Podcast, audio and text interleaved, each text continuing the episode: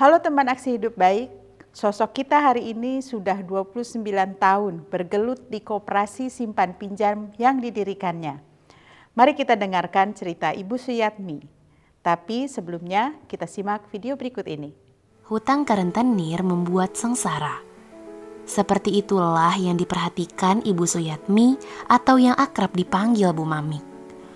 Prihatin melihat tetangga di sekitar lingkungannya meminjam uang kepada rentenir dengan bunga yang sangat tinggi.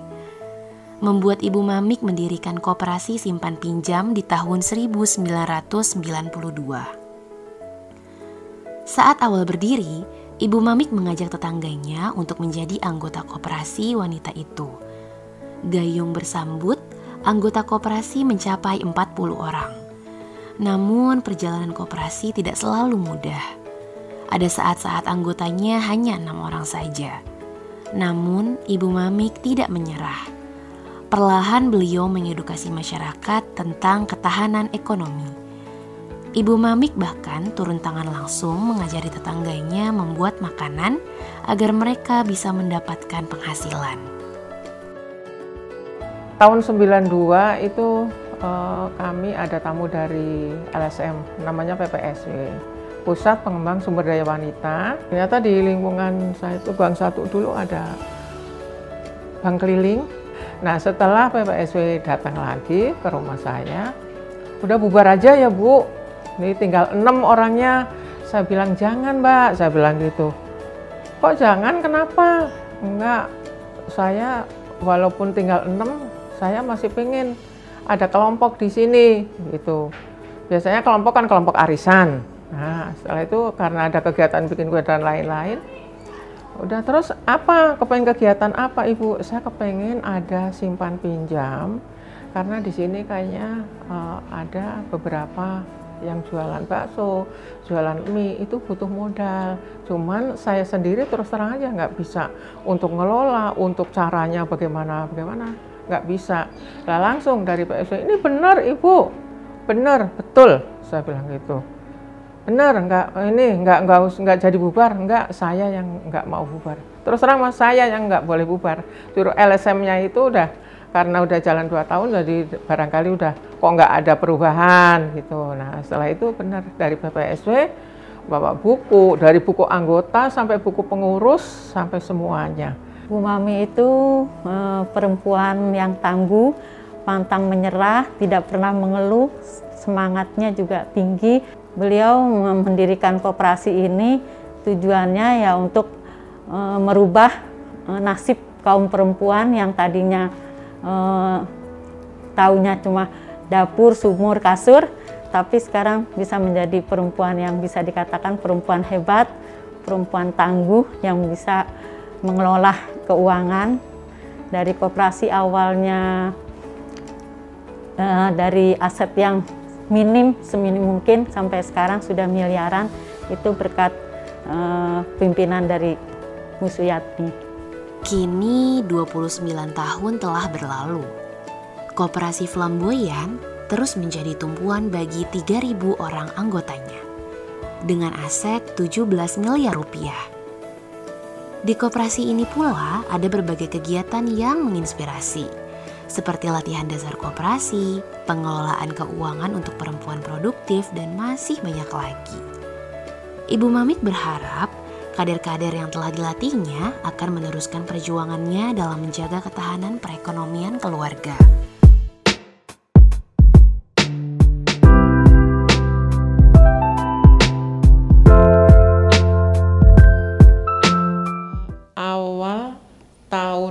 1986 saya masih punya anak tiga tahun itu uh, memang diajak uh, sama kader Posandu untuk ikut di kegiatan Posandu. Setelah itu saya pun ikut karena uh, saya kadang-kadang kepengen tahu kegiatan-kegiatan itu karena uh, penimbangan balita tentang gizi balita jadi saya pun terpanggil itu. Jadi saya ikut terus Posandu dari tahun 86 sampai sekarang Sampai sekarang masih. Masih aktif di Masih, iya di Posyandu. Terus eh, itu karena tahun 86 satu RW itu kan agak luas ya Bu. Nah itu dacinnya, dacin timbangan yang untuk nimbang Posyandu, saya bawa, saya diangkat gitu ke tempat Posyandu, ke tempat Pak RW gitu. Mana ya agak lumayan lewat sawah gitu zaman dulu. Nah terus di tahun 93 karena saling pelatihan-pelatihan, mulai saya kalau pelatihan mesti dapat juara satu, kadang-kadang dua, dan tiga di Posyandu kalau ikut pelatihan Posyandu gitu. Nah di tahun eh, 92 saya baru eh, mulai ada kelompok selain membentuk kelompok selain yang istilahnya alurnya PKK. Kalau Posyandu kan PKK, Ya. KB, Jumanti, gitu Posyandu kan PKK. Nah ini emang datang LSM Hmm. LSM PPSW namanya Pusat Pengembang Sumber Daya Wanita Hmm. yang kantornya ada di sekarang ada PPSW di itu. Kalimalang ya. Kalimalang. PPSW ya. Itu. Nah, diajak untuk bentuk kelompok. Tetapi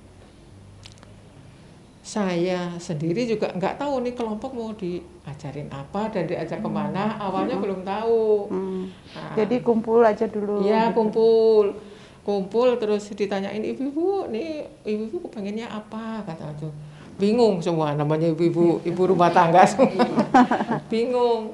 Terus, oh, oh, bu kalau kita bikin kue bagaimana? Ibu-ibu biasanya kan nggak apa, jauh Bu? dari kue, Oh gitu iya, makan kanan. kue. Tapi saya selain yang ada kegiatan posyandu, ada jumantik, ada KB, saya ikut. Dan di masyarakat pun saya masih eh, membantu memandikan jenazah. Ya, memandikan jenazah.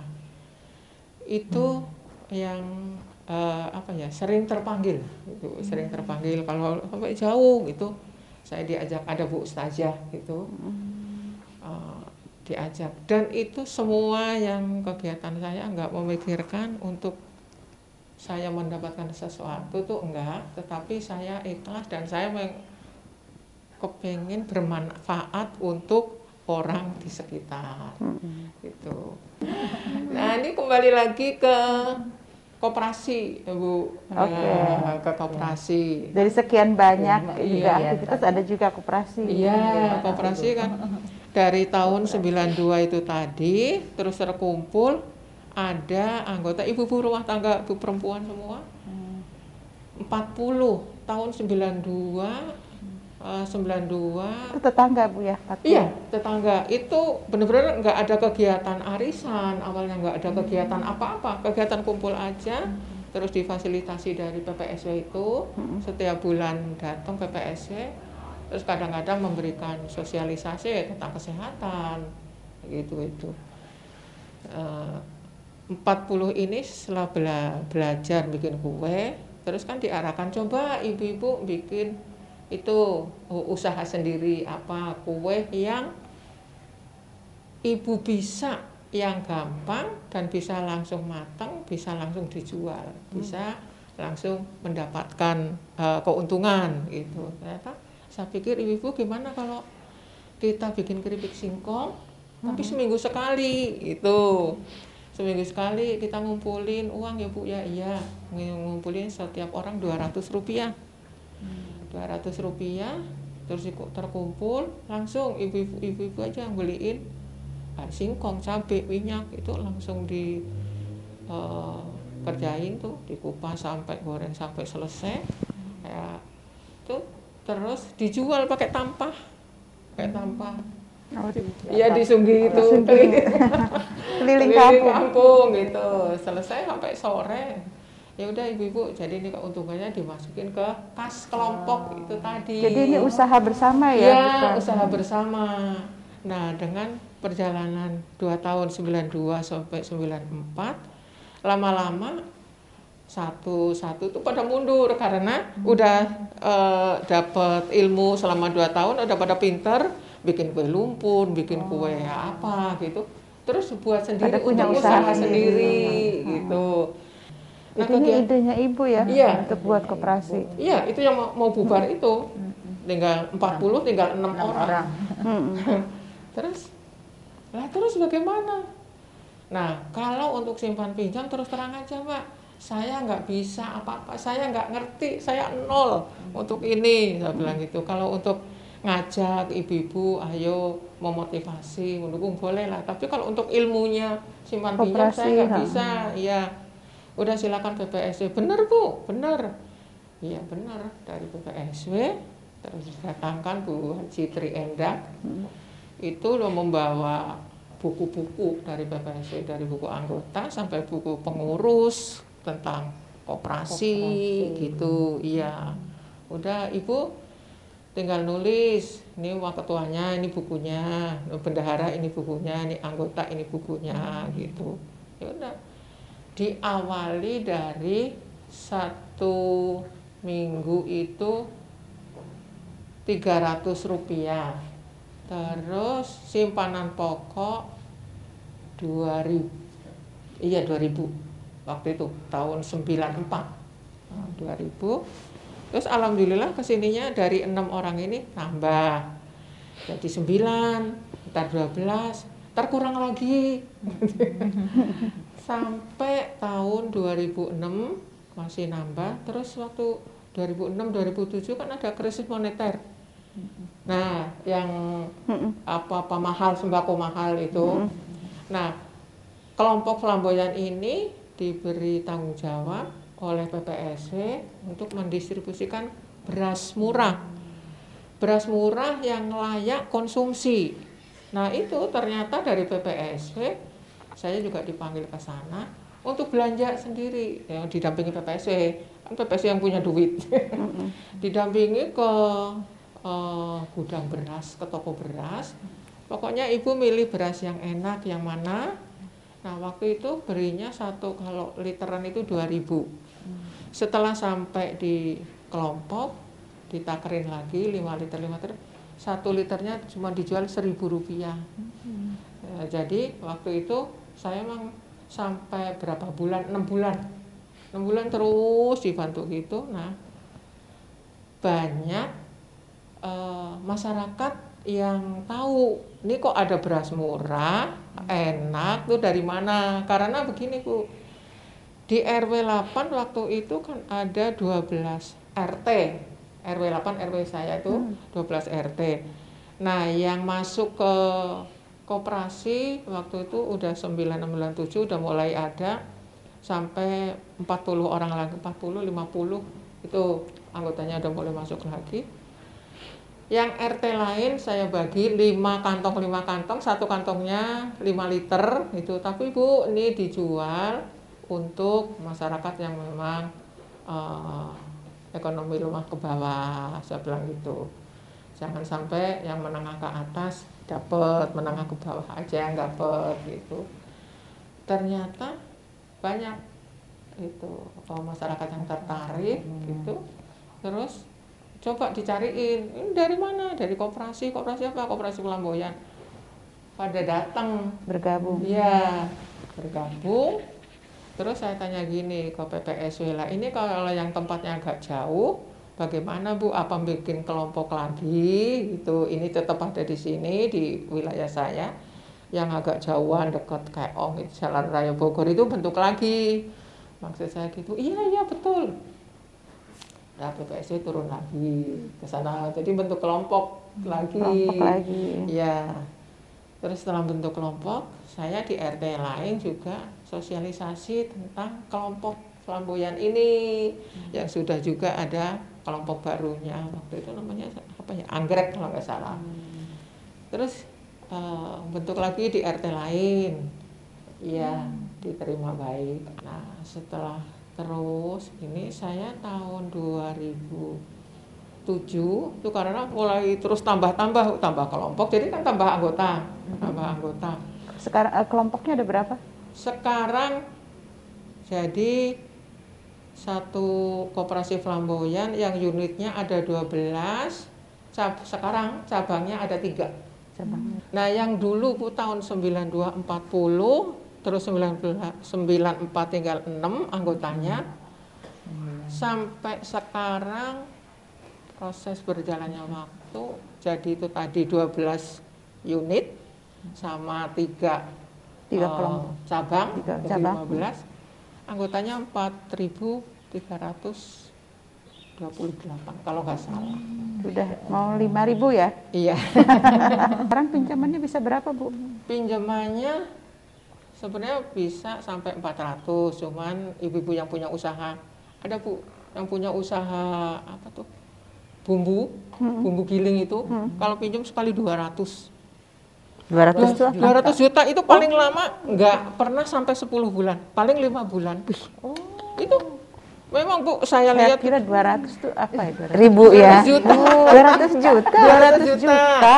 Nah, kalau yang baru-baru eh, jadi anggota itu udah empat bulan, boleh kalau udah nye- kalau udah ngelunasin simpanan wajib, simpanan pokok gitu selama empat bulan boleh di bulan eh, selanjutnya pinjam baru 2 juta. Dan kita selain untuk simpan pinjam Bu di koperasi itu memang ada pelatihan-pelatihan. Ada pelatihan dari pertama kalau yang baru-baru untuk anggota di LDK latihan dasar koperasi. Terus eh, latihan motivasi berkelompok agar dia eh, jadi anggota koperasi ya terdukung gitu. Dan juga disiplin menarik sekali eh, ibu mengelola koperasi ya. Karena saya juga pernah mengelola koperasi dulu tapi nggak nggak sukses. Ini bisa bertahun-tahun ya, Bu ya?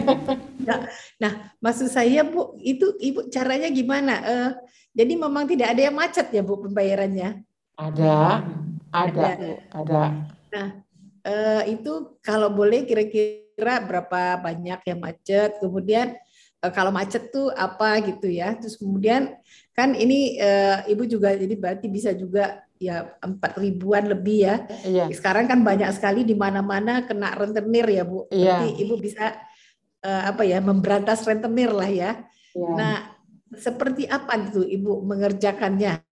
Sehingga biasa kan orang-orang tergoda tuh sama rentenir. Karena rentenir tuh bisa cepet, ngasihnya cepet gitu kan. iya betul Eh, nah, gimana caranya Ibu bersaing dengan rentenir? Maksud saya gitu. Biar tidak macet juga. Soalnya rentenir itu agresif, saya dengar begitu. Jadi Sekarang ada pinjol, Bu. Sekarang Ya, ada pinjol ya. ya, iya sekarang pinjol. Jadi orang disuruh-suruh minjem gitu kan. Iya, eh, kalau kita sama rentenir kita eh, biarin aja yang dia tugas dia sebagai rentenir gitu. Nah kita kita pengurusan di koperasi kita tetap mengolah koperasinya. Kalau untuk kemacetan itu ada bu, ada. Apalagi ini pandemi ini emang eh, agak banyak.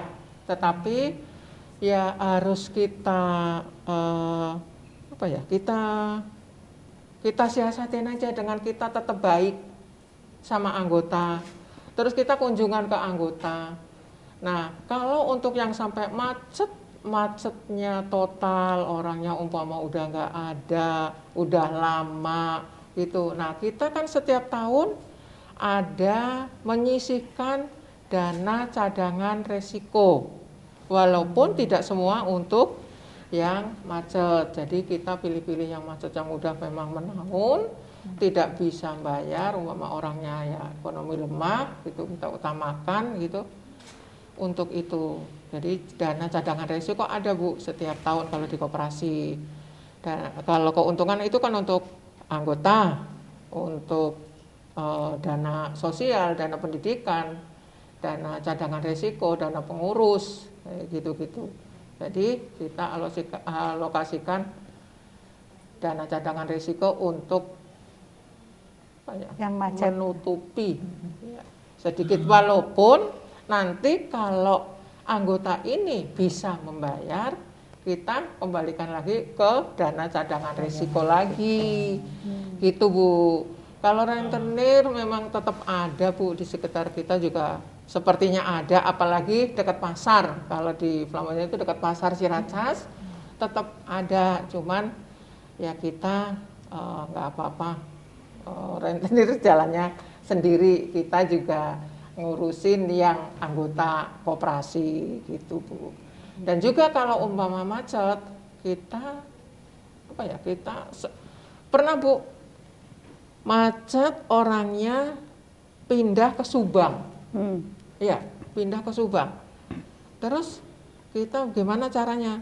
Saya sama pengurus uh, dua, saya juga sama bapak, sama suami, uh, pengurus yang satu juga sama suaminya naik motor ke Subang. Sampai sana kondisinya juga orangnya memang ekonominya makin ngedrop gitu. ya kita nggak tega juga ya bu? Iya. Iya nggak tega juga. Apalagi untuk angsuran. Untuk istilahnya eh, apa ya? Dia hidup sehari-hari. susah. Gitu. Ya udah kita udah lihat kondisinya ya udah kita sampai ke koperasi kita ya diskusi sama pengurus kalau ini begini gini. Nah yang begitu kita bantu untuk dari cadangan resiko itu. Nah tadi disebutkan ada 12 unit itu maksudnya unit usaha atau apa ya? Terus selain pin, simpan pinjam usaha koperasi ini apa aja ya Bu ya? Oh ya, ya terima kasih Bu kalau 12 unit itu sebenarnya 12 kelompok. Oh. Ya, iya. 12 kelompok. Jadi, nah kalau selain simpan pinjam sebenarnya ada sedikit pelatihan-pelatihan juga masih terus. Oh, boleh Ibu apa kiat suksesnya Ibu itu saya mau sampaikan juga sama koperasi yang saya dirikan. ya Bu, susah Bu ngurus gitu dan macetnya sedikit gitu. Apa sih sebagai ketua koperasi itu uh, ya tiga deh kira-kira yang harus dia kerjakan supaya operasinya sukses gitu. Apa ya? Karena kita, uh, kita kooperasi punya pendamping bu. Jadi uh, yang LSM itu. Jadi umpama LSM, ayo kooperasi-kooperasi ini, ini waktunya udah punya duit. Nah, saya, saya cerita dulu ya bu. Sebelum saya ada karyawan, itu kan kita ngurusin. Jadi pengurus itu ya pengelola, ya pengurus gitu. Iya merangkap-rangkap dulu tuh setelah uh, eh, PPS itu uh, apa ya mencarikan konsultasi tentang keuangan untuk kooperasi-kooperasi dampingannya itu dan, dan dibantu juga dari Hivos kalau nggak salah. Itu jadi konsultan keuangan itu datang ke kooperasi ngeliat uh, apa kekayaan kooperasi gitu. Nah pas waktu itu kan konsultasi keuangannya kan Pak Hermanto itu ke ya di depan pengurus-pengurus flamboyan kalau di sana gampang bu, nggak mesti pakai kursi, pakai duduk kayak gitu. Makanya santai gitu. Nah itu bilang begini, bu, bu mami, ini duitmu kooperasi itu yang keuntungan udah banyak ini udah tinggi, udah bruk metutuk katanya gitu. Ini udah waktunya pengurus tuh mendapatkan operasional setiap bulan. Saya kaget tuh. Kaget benar. Operasional gimana Pak? Jadi ibu jangan cuman umpama sebulan dikasih 100 ribu katanya gitu. Ayo harus ada hitungannya karena ini udah keuntungan keuntungan yang bisa ibu nikmati itu dari konsultan keuangan. Tuh. Terus harus ada karyawan yaitu terus ada karyawan terus dari pengurus juga uh, ada operasional. Jadi kan tambah semangat bu. Dengan adanya yang tadi nggak ada operasional setiap bulan gitu. Terus sekarang uh, ada. Ada gitu. Terus Punya dengan karyawan. Iya ada karyawan gitu. Oke, makasih banyak ya bu. Sama-sama.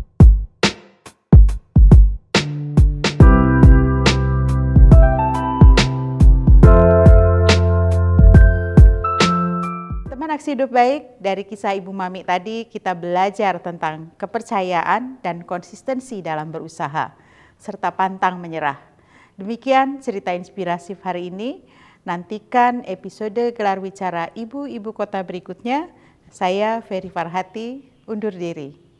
Didukung oleh PT Paragon Technology and Innovation, Rumah Kebaya Vilga, Batik Marunda, Batik Betawi Shop, Rumah Betawi, Batik Eni, Media Pendukung. 90,4 Kosmopolitan FM, Taai TV, dream.co.id, Femina, Indonesian Times, 89,6 FM i Radio, Jak TV, Her World, Media Indonesia, Scarf Media, Tribunnews.com, 106,6 FM V Radio, Why People Radio, Women's Obsession, Celebrities.id, Okezon.com, Komunitas Pendukung Food Bank of Indonesia, Komunitas Pemuda Generasi Indonesia, teruntuk Project Women Empower Women at Work, We Wow, plus Jakarta.